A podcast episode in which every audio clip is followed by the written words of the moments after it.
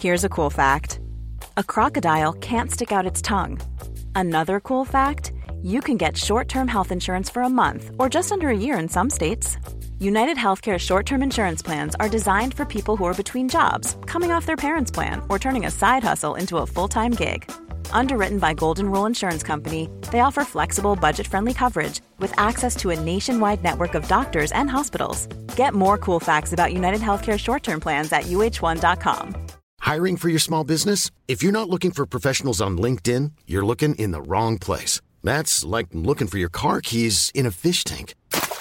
LinkedIn helps you hire professionals you can't find anywhere else, even those who aren't actively searching for a new job but might be open to the perfect role. In a given month, over 70% of LinkedIn users don't even visit other leading job sites. So start looking in the right place. With LinkedIn, you can hire professionals like a professional. Post your free job on linkedin.com slash spoken today. One size fits all seems like a good idea for clothes until you try them on. Same goes for healthcare. That's why United Healthcare offers flexible, budget friendly coverage for medical, vision, dental, and more. Learn more at uh1.com. There's never been a faster or easier way to start your weight loss journey than with PlushCare. PlushCare accepts most insurance plans and gives you online access to board-certified physicians who can prescribe FDA-approved weight loss medications like Wigovi and Zepbound for those who qualify. Take charge of your health and speak with a board-certified physician about a weight loss plan that's right for you. Get started today at plushcare.com slash weight loss. That's plushcare.com slash weight loss. plushcare.com slash weight loss. You don't need a lot of brains in this business. I mean, I've always said if you got an IQ of 160, give away 30 points to somebody else because you don't need it in investments. What you do need is emotional stability. Wow. Very first tech IPO, and it's a big one. Stock market hit an all-time record high today.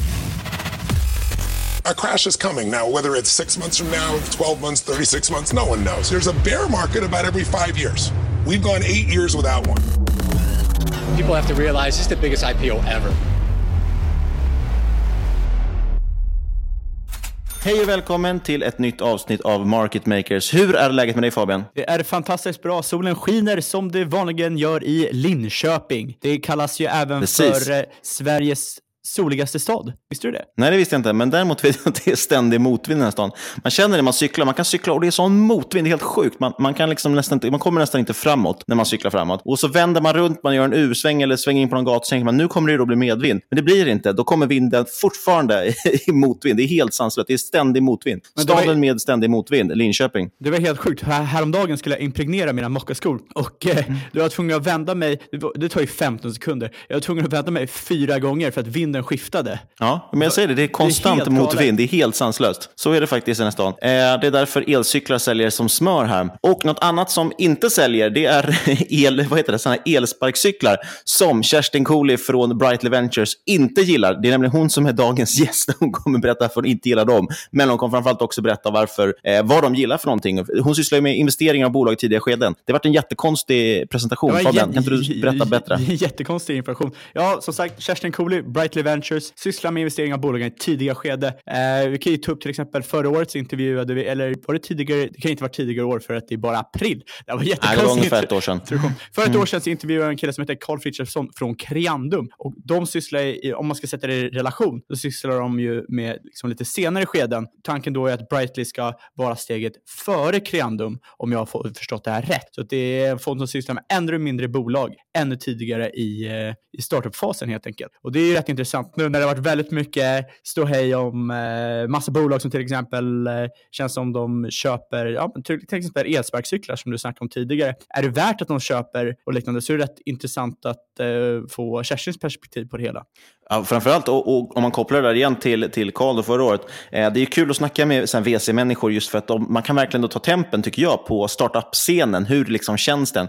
Eh, och både Carl och, eh, och Kerstin har ju bra insikter även liksom i, i Silicon Valley och hur det ser ut alltså på bägge sidor pölen, som man brukar säga. Brightly i alla fall. Eh, eh, Kerstin överlag har haft en rätt imponerande karriär. Hon har ju varit på två stycken eh, rätt stora bolag. Ett som noterades, ett som eh, eh köptes upp. Då, och sen så hon på investment banking och nu håller hon på med, med Brightly. Innan dess var hon på More då, som hon var vd för. Eh, och De har ju också gjort väldigt mycket spännande investeringar faktiskt. Eh, bland annat i Acast då, som är en stor, stor podcastspelare. Men Vi ska väl sluta tjafsa om det och låta Kerstin komma till tals istället. Eh, men innan vi sl slår igång intervjun så vill vi ju säga att det här är ingen rådgivning eller rekommendation. Vi berättar bara om vår process, hur vi tänker. Eh, gör alltid din egen analys och lyssna inte på oss. Då säger vi välkommen till podden Kerstin Cooley. För de som inte känner till dig, vem är du, vad jobbar du med och vad har du för relation till investeringar? Jag är medgrundare till och managing partner på riskkapitalbolaget Brightly Ventures. En relativt nystartad fond och eh, uppföljare till investeringsbolaget More, men med ett ännu starkare team. Vi investerar i eh, tidiga techbolag.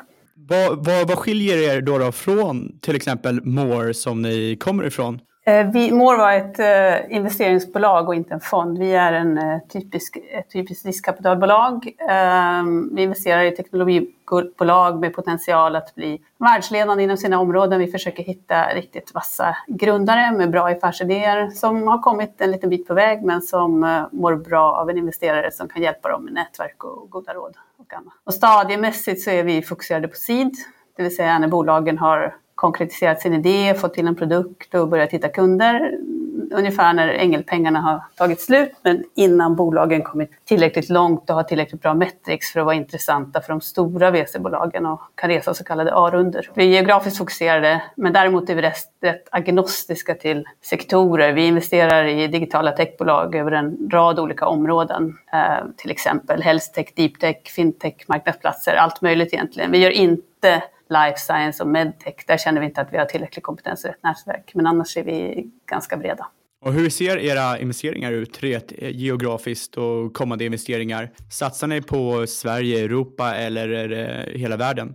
Vi, är, eh, vi ser oss själva som en nordisk investerare, men primärt investerar vi just nu i Sverige där vi har största delen av vårt dealflow. Eh, och inom Sverige så gräver vi på alla möjliga ställen och spenderar tid med alla inkubatorer och acceleratorer och på intressanta lärosäten. Luleå, Umeå, Linköping, Göteborg, Malmö och Lund i synnerhet. Hur kommer det sig att ni fokuserar just på Norden? Är det något särskilt med Norden som är extra intressant? Vi tycker att Norden är en fantastisk eh, marknad. Det finns väldigt mycket bra teknologibolag. Eh, folk tänker globalt redan från början. Så har det ju, eh, alltid varit i Sverige att marknaden är så liten här att man måste, eh, måste bygga för världen på en gång. Och, men framförallt i den här digitala revolutionen så är Sverige otroligt välpositionerade. Och eh, när ni ska göra investeringar, vad är det viktigaste ni tittar på? Vilka parametrar är mest intressanta? Eh, det ska adressera ett, eh, ett stort problem för många människor, alternativt förutspå ett beteendeskifte, gillar vi. Det ska vara någonting som är någorlunda unikt, antingen försvarbart, det vill säga ha någon typ av IP eller vara ett helt nytt sätt att göra någonting. Teamet bakom ska vara 100% engagerade i just det bolaget och väldigt drivna och starkt knutna till verksamheten. Eh, grundarteamet måste ha rätt DNA, de ska vara lite övermänskliga i att de har många strängar på sin lyra. De ska kunna rekrytera riktigt smarta människor och kunna låta de här människorna göra det som de är bäst på och skapa rätt kultur i bolag. Och sen måste de också kunna anpassa sig och hitta andra vägar om det de tänkt från början inte fungerar. Så i, i korthet, idén måste vara tillräckligt bra och teamet bakom måste vara extremt starkt. Det är egentligen det vi, vi tittar efter. Det är liksom de absolut och, viktigaste kriterierna som eh, en investering måste uppfylla för att den ska vara intressant att plocka in i portföljen. Och eh, vad förväntar ni typ för hit ratio? Alltså, en del bolag jobbar ju så med att eh, ja, det räcker med att en går tillräckligt bra så kompenserar den för, låt säga, nio andra bolag som inte gick bra. Eh, hur ser ni på det? Vill ni att allt ska lyckas eller räcker det med att några här och var går riktigt, riktigt bra?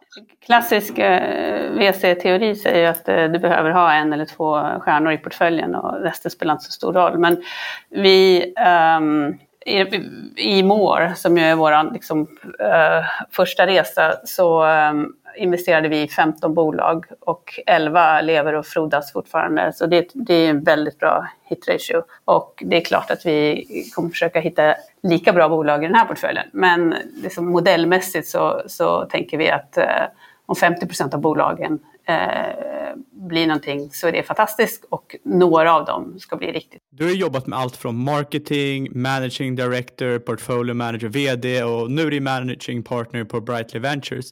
Hur skulle du säga att ditt perspektiv och syn på bolag har och företag har förändrats under årets gång? Jag har spenderat eh, halva min karriär i startupvärlden med start i mitten på 90-talet. Dels i ett Silicon Valley-bolag inom IoT för industriella byggnader som noterades i New York 98 och dels i ett bolag som utvecklade mjukvara för finansbranschen som köptes upp av Warburg Pincus 2005. Och så startade jag en PR-byrå i London i slutet på 90-talet som jag sen sålde till min medgrundare. Och sen har jag spenderat andra halvan av min karriär inom investment banking och nu gifter jag ihop de här världarna genom att investera i entreprenörsbolag och det är faktiskt en perfekt match för mig. Men en av de intressantaste aspekterna med den här nya typen av innovativa teknologibolag, att de växer så snabbt, det är ju maktskiftet tycker jag som har skett i världens största bolag. Att bli topp fem i världen tar inte längre 100 år. För 15 år sedan så dominerades världen av typ energi och gruvbolag som ägdes och styrdes av banker och andra institutioner. De teknologibolag som dominerar världen idag, de startades och leds av entreprenörer som i de flesta fall fortfarande äger en ansenlig del av rösterna i bolaget. Så makten över världens största bolag har skiftat från statlig eller publik kontroll till privat kontroll av ett fåtal entreprenörer. På en mikronivå så, så tycker jag det är slående hur dagens entreprenörer är så insatta och pålästa i vad som förväntas av dem. Jag vet inte om det beror på att internet gör att du på några knapptryckningar har så mycket information information att tillgå. Eller om det någon gång under 90-talet kom så mycket litteratur om att driva bolag. Men de grundare som vi möter, de har stor kunskap om att driva företag. Och det känns mycket mer teoretiskt bevandrade i bolagsbygge. Sen tycker jag också det är intressant hur konsumenter och anställda numera påverkar bolagen i högre grad. De har blivit mycket mer krävande och medvetna. Så företag tvingas bli bättre citizens och ha bra värderingar, för, både för att behålla kunderna men också för att kunna rekrytera rätt människor. Finns det en risk också? Du säger att entreprenörerna liksom har bättre koll. Eh, jag upplever också eh, när jag har umgåtts i de kretsarna att det är mer fokus idag just på riskkapital och ta in pengar till sitt bolag och drömmen är kanske snarare att liksom bli uppköpt av Google än att skapa ett stort lönsamt företag. Finns det risker med det där tycker du att, att entreprenören kanske fokuserar på fel saker eller har det mest blivit till det bättre? Jag tror att det har blivit till det bättre. Jag, jag tror inte att eh, man lyckas bygga ett bolag om man bara tänker exit från början. Alltså det, att, att bygga ett framgångsrikt bolag tar otroligt mycket eh, tid, kraft, energi och, eh, och, och framförallt ofta lång tid. Så att eh, jag tror att grundare är väldigt fokuserade på att, att skapa framgång, skapa ett riktigt bra bolag. Sen om det i slutändan köps upp eller, eller noteras eller vart det nu har, eller blir ett bolag som lever vidare i 50 år, det, det tror jag faktiskt inte att de flesta grundare har någon aning om tidigt. Du, om vi spolar tillbaka bandet lite. Du jobbar ju tidigare på More Capital som vi sa. Och det, för de flesta lyssnare kanske inte vet det, men de har starka kopplingar till storägarna i Rovio som eh, till exempel har skapat Angry Birds. Vad skulle du säga att du har lärt dig under de åren och kanske var den största överraskningen rent investeringsmässigt? Eh, när jag och Katja Bergman startade More i december 2012 så förstod vi inte riktigt hur bra tajmingen var. Vi hade identifierat att det fanns enormt många bra techentreprenörer och bolag i Sverige men väldigt lite kapital för tidiga skeden. Men vi hade inte insett riktigt hur mycket av en white spot det var. De första månaderna då var vi lite missmodiga. Vi träffade så många bolag och tyckte inte att något var tillräckligt bra. Men i takt med att det blev mer känt att vi fanns så fick vi en fantastisk position i marknaden som gjorde att vi kunde bygga en väldigt fin portfölj. Trots att vi egentligen var en väldigt liten investerare i pengar mätt. Och en av de största överraskningarna det var hur fort det går att bygga en business om tajmingen är rätt. Som till exempel för Acast som ju var ett av våra portföljbolag. När vi investerade så var podcastingen liten nischmarknad och även om vi tyckte att det var en fantastisk idé från början så trodde vi att det skulle ta mycket längre tid. Och allt var självklart inte spikrakt. Till exempel var det svårt i början att resa mer kapital. Vi bryggade bolaget ett par gånger vilket gjorde att vi fick en relativt stor ägarandel. Men grundarna fick rätt i att podcasten skulle bli en ny stor mediemarknad och, den resa som de har gjort när jag ser tillbaka på det nu har gått väldigt fort. En annan överraskning var att ett bra team kan hitta sin affärsmodell mycket snabbare än vi förväntade oss. I Volumenter till exempel, som är ett deep tech-bolag, där trodde vi att det skulle ta lång tid att kommersialisera. Så vi såg dem som en långsiktig investering med en avancerad teknisk lösning. Men de hittade väldigt snabbt en affärsmodell som tog dem till att bli nära kassaflödespositiva tidigt. Och på den mindre positiva sidan av, lär, av lärdomar så är det svårt som grundare att driva bolag när, när en part äger allt för mycket av ditt bolag. Och, och det, det är svårt att vara beroende av the whims och wishes av majoritetsägare. Så det, eh, det är en bra insikt att ha med sig från början när man tar in kapital. Och också hur enormt viktigt det är att kratta för de här tråkiga situationerna i avtal. För, för det är när den dagen kommer som du verkligen behöver dem. Och det är lätt att tänka att alla parter kommer att agera logiskt när det inte går som man har tänkt sig. Eller om man blir oense om vägen framåt. Vilka områden skulle du säga inom teknik får du att bli extra taggad eller hypad just nu? Eh, finns det kanske något område där du är extra insnöad? Eh, I det stora perspektivet så är jag exalterad över den demokratisering som snabbt sker i världen genom tekniken. Till exempel att människor i mindre bemedlade länder får tillgång till hälsa och utbildning. Det tycker jag är supercoolt. Eh, jag har stora förhoppningar på AI och hälsa. Det faktum att man har gjort lyckosamma försök med att både hitta och bota cancerformer som tidigare varit obotliga, det är Eh, jätteintressant. Um, inom blockchain tror jag att det finns mycket spännande att vänta. Uh, det har legat och puttrat lite de senaste åren, men att just det här att överföra värde mellan parter decentraliserat som inte ägs av någon och ta bort mellanhänder men, men liksom löser förtroendefrågan när pengar ska sättlas. Eh, jag är också nyfiken på när vi ska se en explosion av tjänster på ljuddataområdet. Startups som bygger på voice-plattformarna Alexa och Google Home börjar nu finnas väldigt utbrett i hemmen och där kommer mycket spännande tror jag. Tror du till exempel att eh, det här eh, voice consuming eller man handlar via röst, tror du det kommer bli stort? Ja, det tror jag. Jag tror vi kommer göra mycket mer eh, via röst än vad vi kan tänka oss i, i dagsläget. Och jag tror också att eh, vi kommer, bli, vi kommer eh, knappt behöva säga det. Vi kommer bli tolkade av vad våra behov är. Men hur lång tid det tar, det, det är oklart. Om vi tittar på ett specifikt case, Acuminer har ju ni investerat i. De håller ju på med olika typer av riskanalyser och så på regulatoriska krav, bland annat penningtvätt som är väldigt aktuellt nu med Swedbank såklart. Eh, hur går tankarna kring en sån investering om vi tar det liksom som en case-studie? Acumino var en väldigt rolig investering för den tickade så många av våra boxar. Den är tidig, de har bara börjat sin resa och definitivt mycket risk. Men också enorm potential. De adresserar ju som du säger ett väldigt aktuellt och pressande problem som i dagsläget tas om hand med fysiska resurser istället för digitalt banker och andra finansiella spelare de lägger oerhört mycket tid och pengar på penningtvättsbekämpning och rapportering. Men det finns också en rad bolag som numera träffas av penningtvättsreglerna som inte har kapacitet eller kompetens att på ett effektivt sätt hantera den här frågan. Så förutom att Acumino hjälper de här bolagen att bli mer effektiva och spara kostnader i, i hanterandet av penningtvättsrapporteringen så bidrar de förhoppningsvis också till att motverka penningtvätt, vilket är bra för världen. Det är ett riktigt, riktigt starkt team med djup kompetens på området och en bra kombination av personer både med finans techbakgrund och personer som har byggt andra digitala tjänster med bra användarupplevelse. Så därför är vi, vi är väldigt nöjda och förhoppningsfulla när det gäller den investeringen. Sen är det såklart ett supertidigt case. Hur jobbar ni med värderingar? Vad tittar ni på för någonting? Speciellt när det är så pass tidigt skede att det kanske inte ens finns några intäkter knappt. Nej, det där är en väldigt uh, svår fråga just i seed stadiet, um, vad är ett bolag värt? Det går i princip inte att räkna på. Utan det är en, oftast i vårat fall i alla fall en kombination av hur långt har de hunnit? Uh, hur stor är potentialen? Hur stor är marknaden? Hur unikt är det? Vad tar grundarna själva till bordet? Uh, hur mycket har det gått in? Liksom, hur, mycket, hur pass mycket utveckling har gjorts? Har det gått in pengar tidigare? Har grundarna lagt in pengar själva? Och så vidare. Så att eh, det, eh, det är verkligen från case till case. Och om man, nu vet jag att du inte kan kommentera just det specifika fallet, men jag tar ändå det som ett exempel. Om Man tog Acast då till exempel. De har haft en fenomenal omsättningstillväxt, men också ganska stark tillväxt i förluster. Och det gäller ju många liksom startupbolag, Spotify som tog ganska många år innan de vände till vinst. Hur liksom räknar man på sådana saker? Handlar det bara om att titta på hur mycket kapital kommer behövas framgent och, och har man med ändå i kalkylen i början att man ska gå med vinst och ungefär när? Ja, men det är klart man har. Eh, eh, alla bolag, eller bolag har inget existensberättigande i mina ögon om de inte kan gå med vinst vid något tillfälle. Ehm, sen kan det där ta olika lång tid och framförallt om du, om du försöker skapa en marknadsplats där du ska få två parter till bordet eller två, två sidor eh, av myntet, då kan du behöva investera lite pengar innan, innan du gör det. Eh, men eh, sen finns det andra affärer som inte nödvändigtvis eh, behöver gå med förlust under en väldigt lång tid. Så det, det, är också beroende på liksom, vad är det för typ av, av business som du försöker bygga. Och sen är det ingen hemlis kanske att eh, räntan har ju gynnat riskkapital senaste åren. Hur tror du det kommer påverka framöver om vi ser en normaliserad räntemiljö med ökad ränta?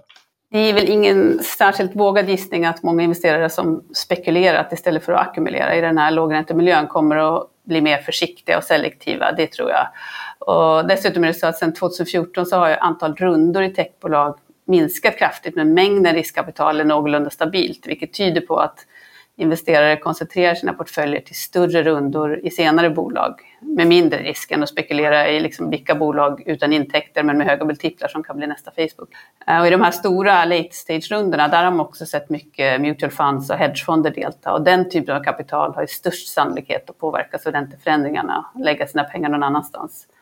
Och om det händer så är det sannolikt att multiplarna går ner i takt med att tillgången till investeringskapital minskar. Men det är svårt att säga hur lång tid en sån nedgång skulle ta eller ens förutse magnituden av Men i, i, en, i en normaliserad räntemiljö så tror jag det kommer bli svårare att resa pengar för tidiga bolag som inte har en affärsmodell som du just nämnde.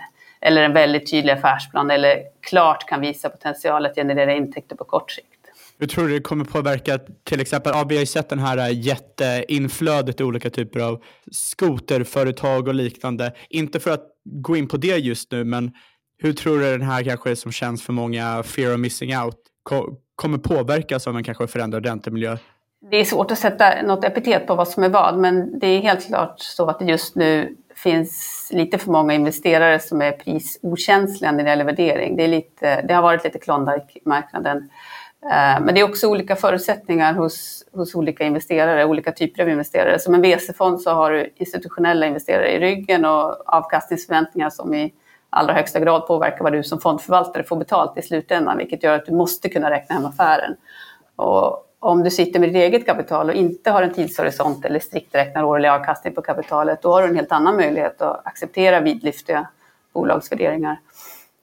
Um, så att, eh, men, men uh, alla institutionella investerare har mycket väl räknat ut uh, vad den där avkastningen i, slut, i slutändan kommer att bli. Och om man tänker då just som privatinvesterare, eh, vad kan man ta ifrån sig? Så de lärdomar du har fått genom att jobba med det professionellt, vad skulle man kunna ta med sig från det som privat? Now's the time to save 30% on wedding jewelry, only on BlueNile.com. Make sure your wedding ring is the one with your pick of diamond and lab-grown diamond bands, all hand-finished and graded for excellence. Or surprise her with something blue she'll love for life, like a stunning pair of sapphire earrings. Blue Nile's jewelry experts are available 24 7 to help, from fit questions to style advice. Right now, get up to 30% off at BlueNile.com. BlueNile.com. Life is full of awesome what ifs, and some not so much, like unexpected medical costs. That's why United Healthcare provides Health Protector Guard fixed indemnity insurance plans to supplement your primary plan and help manage out of pocket costs. Learn more at UH1.com. Hiring for your small business? If you're not looking for professionals on LinkedIn, you're looking in the wrong place. That's like looking for your car keys in a fish tank. LinkedIn helps you hire professionals you can't find anywhere else, even those who aren't actively searching for a new job but might be open to the perfect role. In a given month, over 70% of LinkedIn users don't even visit other leading job sites. So start looking in the right place. With LinkedIn, you can hire professionals like a professional. Post your free job on linkedin.com slash spoken today. Since 2013, Bombas has donated over 100 million socks, underwear, and T-shirts to those facing homelessness if we counted those on air, this ad would last over 1,157 days. But if we counted the time it takes to make a donation possible, it would take just a few clicks. Because every time you make a purchase, Bombas donates an item to someone who needs it. Go to bombas.com slash ACAST and use code ACAST for 20% off your first purchase. That's bombas.com slash ACAST, code ACAST. Ready to start talking to your kids about financial literacy? Meet Greenlight the debit card and money app that teaches kids and teens how to earn, save, spend wisely, and invest with your guardrails in place. Parents can send instant money transfers, automate allowance, and more. Plus, keep an eye on spending with real time notifications. Join more than 6 million parents and kids building healthy financial habits together on Greenlight. Get your first month free at greenlight.com slash ACAST. That's greenlight.com slash ACAST. Investerare?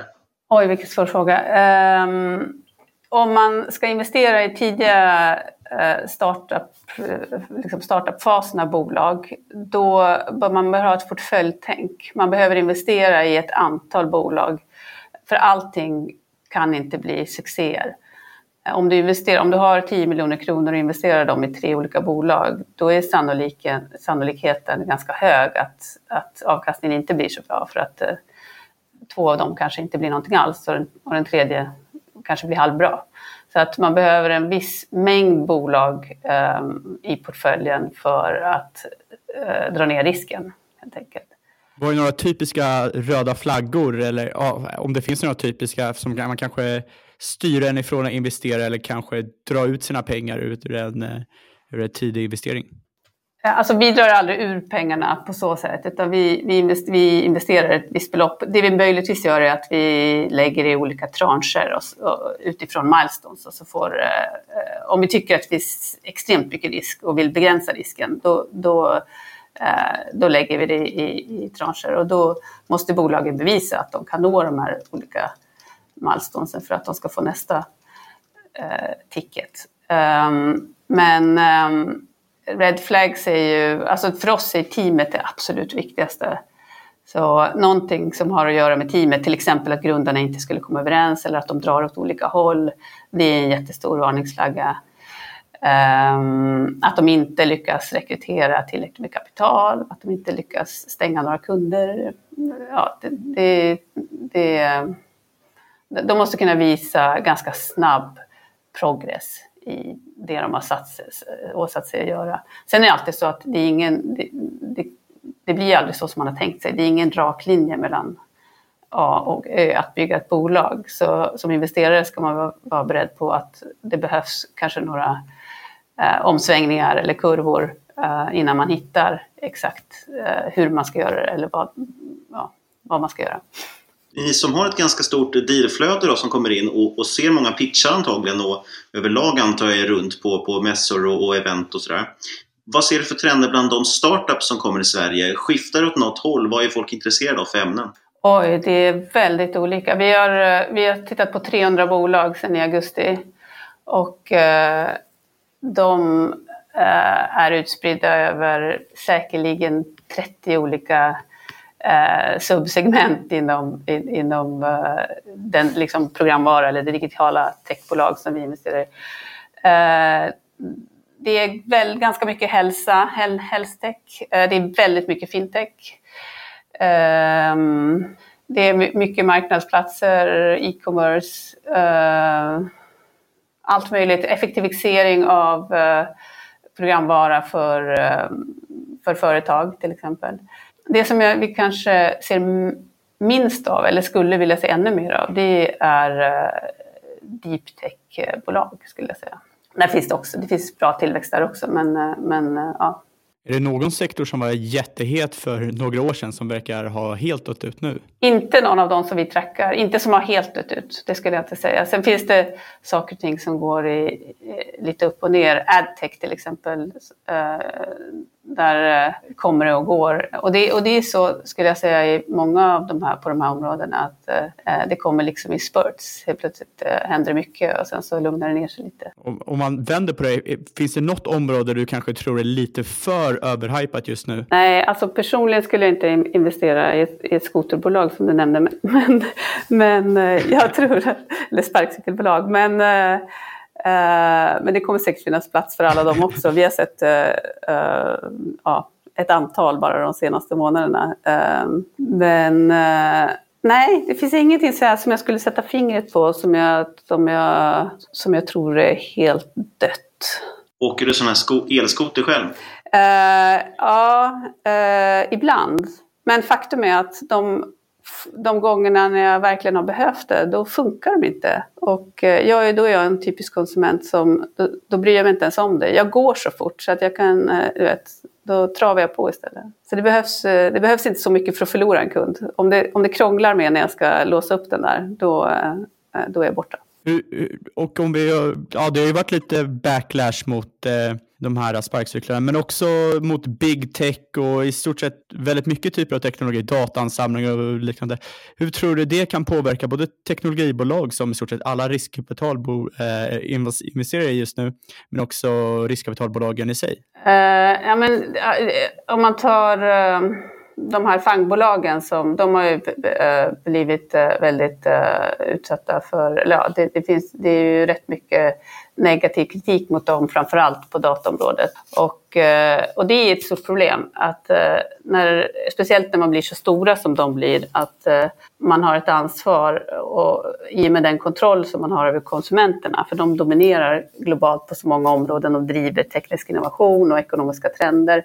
De äger kommunikation på så många områden och, och nu tar de sig an nya områden som hälsa och försäkring. Men, men frågan är om de tar tillräckligt ansvar för den makten de har till exempel deras roll som publicister, de sprider innehåll men jämfört med konventionella publicister tar de väldigt lite ansvar för källa och rättighet till material och sanningshalt. Och, och det där är ju eh, inte bara ett problem med fake news som ju har varit eh, på tapeten i, eh, ända sedan amerikanska valet utan också vad gäller marknadsföring och spridning av otillåtet innehåll som terrorism och pedofili och så vidare. Och det är um, även på eh, just när, när man samlar in så mycket data på, eh, om människor, då, då har man ett ansvar. Och, och, det där tror jag kommer vara ett, eh, ett problem, inte bara för de allra största bolagen, utan även för andra. Och det händer, just när det gäller de stora bolagen, där händer det en hel del på regelverkssidan, både i EU och USA.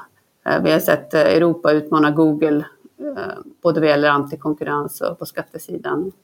Det finns skäl att tro att lagstiftarna i USA kommer att förändra spelplanen för fangbolagen, speciellt om Demokraterna vinner nästa val.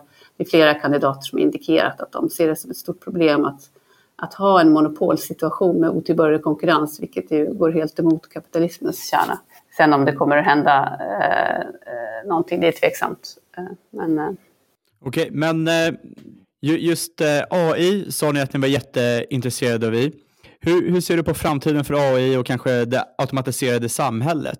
Tror du det är någonting som kommer eh, ske långsammare än man tror eller kanske till och med överblåst eller tror du det kommer komma mycket snabbare än vad man kanske förväntar sig just nu? Jag tror inte att det är en överdrift hur mycket AI kommer påverka oss i framtiden. Däremot kommer det ta kortare eller längre tid på olika områden. Och kanske, eller förhoppningsvis, blir våra liv aldrig helt automatiserade. Men det är fortfarande många områden där den maskin har svårt att slå en människa, till exempel i att dra slutsatser med emotionell eh, eh hjälp. Men ett område där AI har störst genomslagskraft just nu, det är inom medicin med både röst och bild och text. Eh, till exempel ett danskt bolag har lanserat en digital assistent som med röstigenkänning analyserar samtal till SOS Alarm där varje minut räknas och baserat på data då från miljontals tidigare samtal så söker algoritmen efter tecken på hjärtattack baserat både på verbal och icke-verbal data som tonläge och andningsmönster. Och föreslår också frågor och rekommendationer för åtgärder till telefonisten under samtalet. Och när de testade den här assistenten på över 160 000 samtal till larmnumret så identifierade assistenten med 93 procents precision om personen i fråga skulle få en hjärtattack medan telefonisten bara med 73. Så, så, såna, den typen av eh, tjänster och utveckling kommer vi se mycket av. Och det finns ett stort antal försök med att förutspå vem som är benägen att begå självmord. Uh, till exempel visade det sig att AI-mjukvara på en psykakut uppfattade saker som patienten hade sagt som personalen på andra sidan hade missat. Eh, och det pågår många försök med bildigenkänning för snabbare och med bättre precision till exempel upptäcka tumörer eller cancerförändringar. Men, men det kommer att ta tid att applicera AI på, på kliniskt beslutsfattande. Så det är mer sannolikt att AI först får genomslag på till exempel kommunikationsproblem inom hälsoindustrin där, där man lätt och snabbt kan effektivisera och spara stora pengar, till exempel appar och chatbots för bokningar och applikationer för att minska doseringsfel eller, eller bara effektivisera transaktioner mellan patient och vårdgivare och försäkringsbolag. Uh, här finns det ju jättestora dataset för bra kvalitet och man kan, man kan minska den administrativa kostnaden.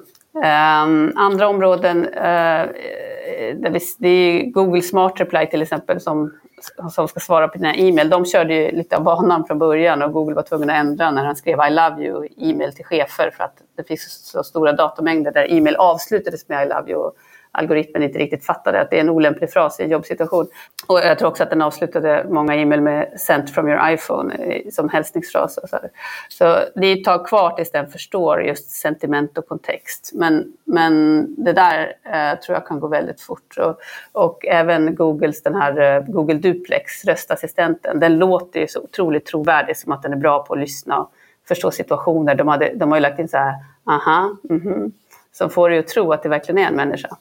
Um, men där synliggörs också vissa problem som att från början i alla fall, jag vet inte om de har ändrat på det nu, men då presenterades sig inte alltid som en robot, vilket ju kan vara problematiskt och framförallt missbrukas. Alltså, och, och, och, barn till exempel skulle kunna bli manipulerade då av en robot. Så, så, och vi har ett litet dilemma just med att, att skapa god AI och lära den moral. För alla investerar i AI och det förs många diskussioner om hur man ska säkerställa att det görs för människans bästa och liksom inte löper det var till exempel ett, ett amerikanskt riskbedömningsverktyg som, som, som ska bedöma vem som ska få ett visst straff. Och det riskerar ju att förstärka liksom, inbyggda biases. Och, och, och, om man tittar på vilka som sitter i fängelse nu och en, att, om det sitter mer av en viss ras i fängelse oftare än andra, då, då, då blir det väldigt knepigt. Eller, eller till exempel eh, och om man använder beslutsalgoritmer eh, för rekrytering där, där algoritmen väljer bort outliers, då kan ju vissa etniska grupper eller kön liksom, som är lågt representerade i historisk data kan ju väljas bort. Så att vi, vi kommer se eh,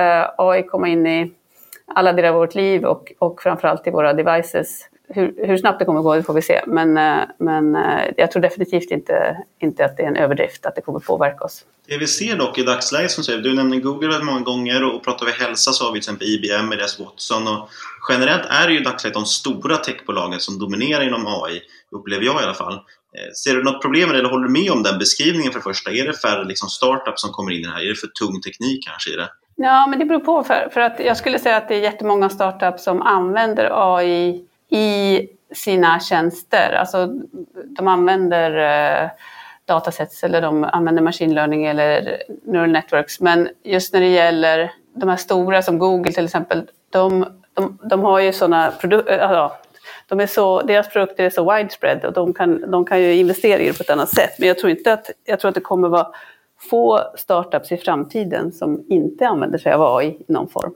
Däremot om det är något litet startupbolag som kommer fullkomligt eh, förändrar hela marknaden eh, baserat på en produkt med AI. Det, ja, det, absolut, det är möjligt. Men, men eh, de kommer aldrig kunna jämföra sig med alltså Google Play, och inte bara Google, Google, Amazon, alla de stora, de plöjer ner så fantastiskt mycket pengar.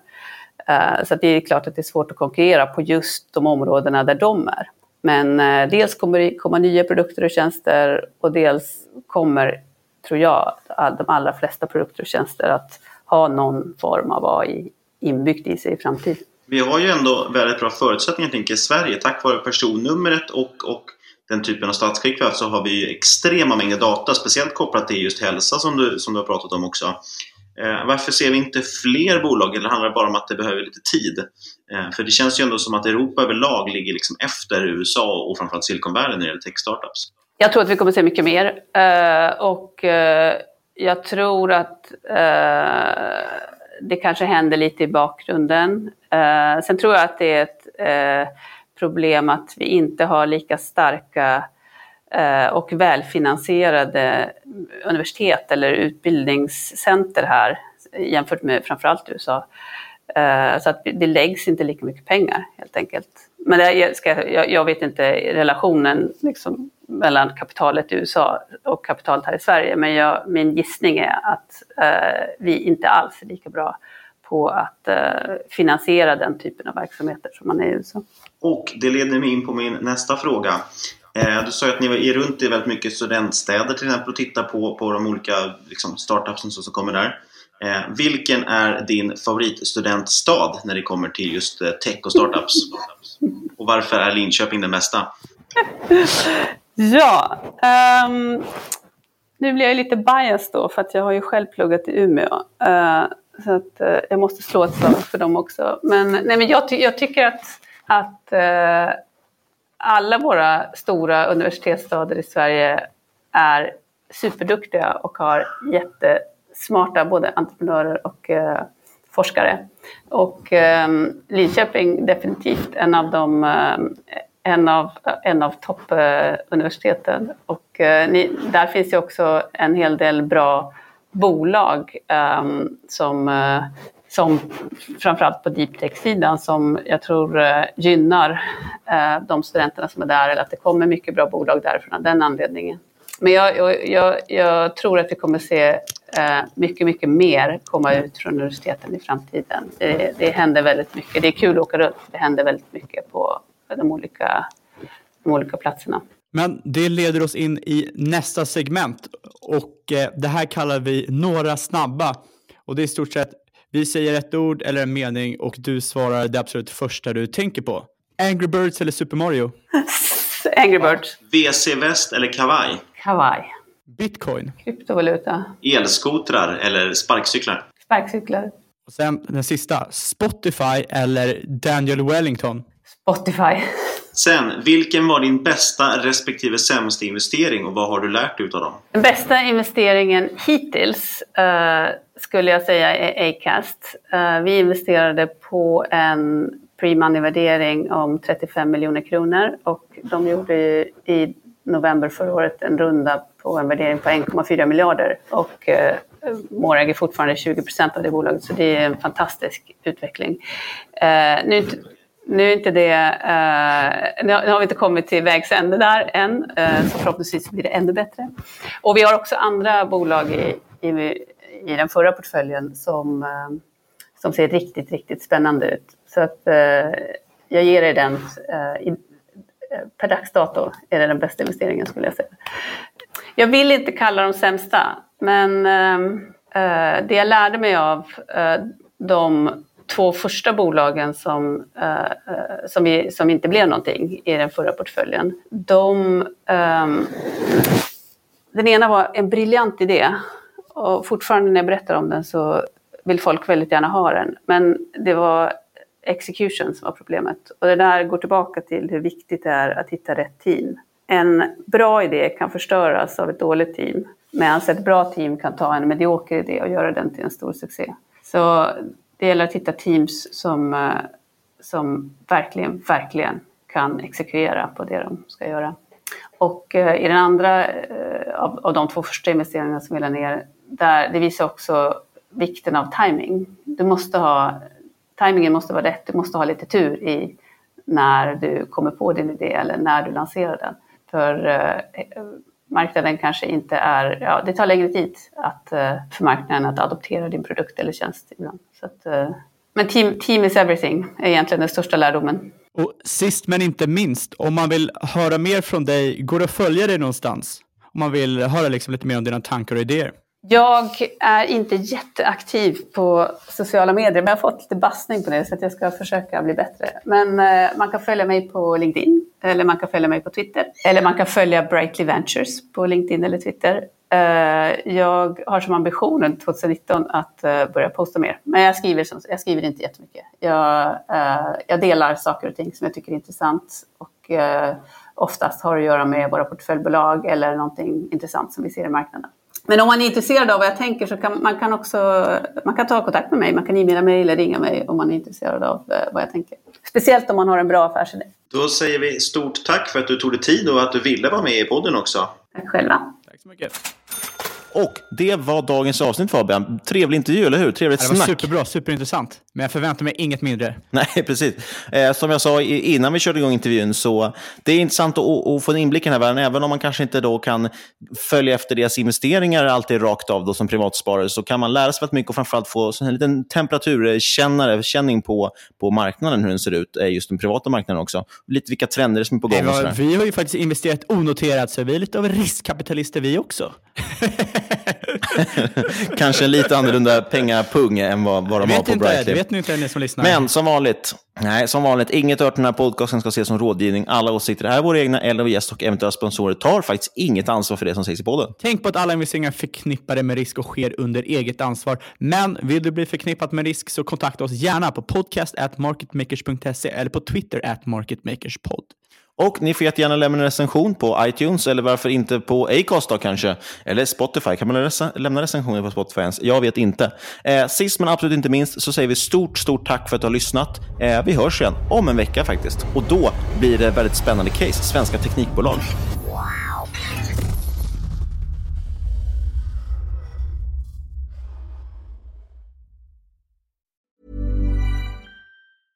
Selling a little or a lot? Shopify helps you do your thing however you cha-ching. Shopify is the global commerce platform that helps you sell at every stage of your business. From the launch your online shop stage to the first real life store stage, all the way to the did we just hit a million orders stage. Shopify is there to help you grow. Shopify helps you turn browsers into buyers with the internet's best converting checkout. 36% better on average compared to other leading commerce platforms because businesses that grow grow with Shopify. Get a $1 per month trial period at shopify.com/work. shopify.com/work. When you need mealtime inspiration, it's worth shopping Kroger, where you'll find over 30,000 mouthwatering choices that excite your inner foodie. And no matter what tasty choice you make, you'll enjoy our everyday low prices, plus extra ways to save, like digital coupons worth over $600 each week. You can also save up to $1 off per gallon at the pump with fuel points. More savings and more inspiring flavors make shopping Kroger worth it every time. Kroger, fresh for everyone. Fuel restrictions apply. ACAST powers the world's best podcasts. Here's a show that we recommend. The Real Housewives is a guilty pleasure for most, but if you're looking to not feel guilty about that pleasure, tune in to Everything Iconic with me, Danny Pellegrino, where I break down all the messy moments and behind the scenes antics of Bravo's popular franchise. And on Everything Iconic, I also interview celebrity guests like Kelly Ripa, Kiki Palmer, Drew Barrymore, Cameron Diaz, and more about their guilty pleasures, their past work, and so much more. So if you're pop culture obsessed and find yourself watching way too much reality TV like me, tune in to Everything Iconic with Danny Pellegrino wherever you listen to podcasts. ACAST helps creators launch, grow, and monetize their podcasts everywhere. ACAST.com.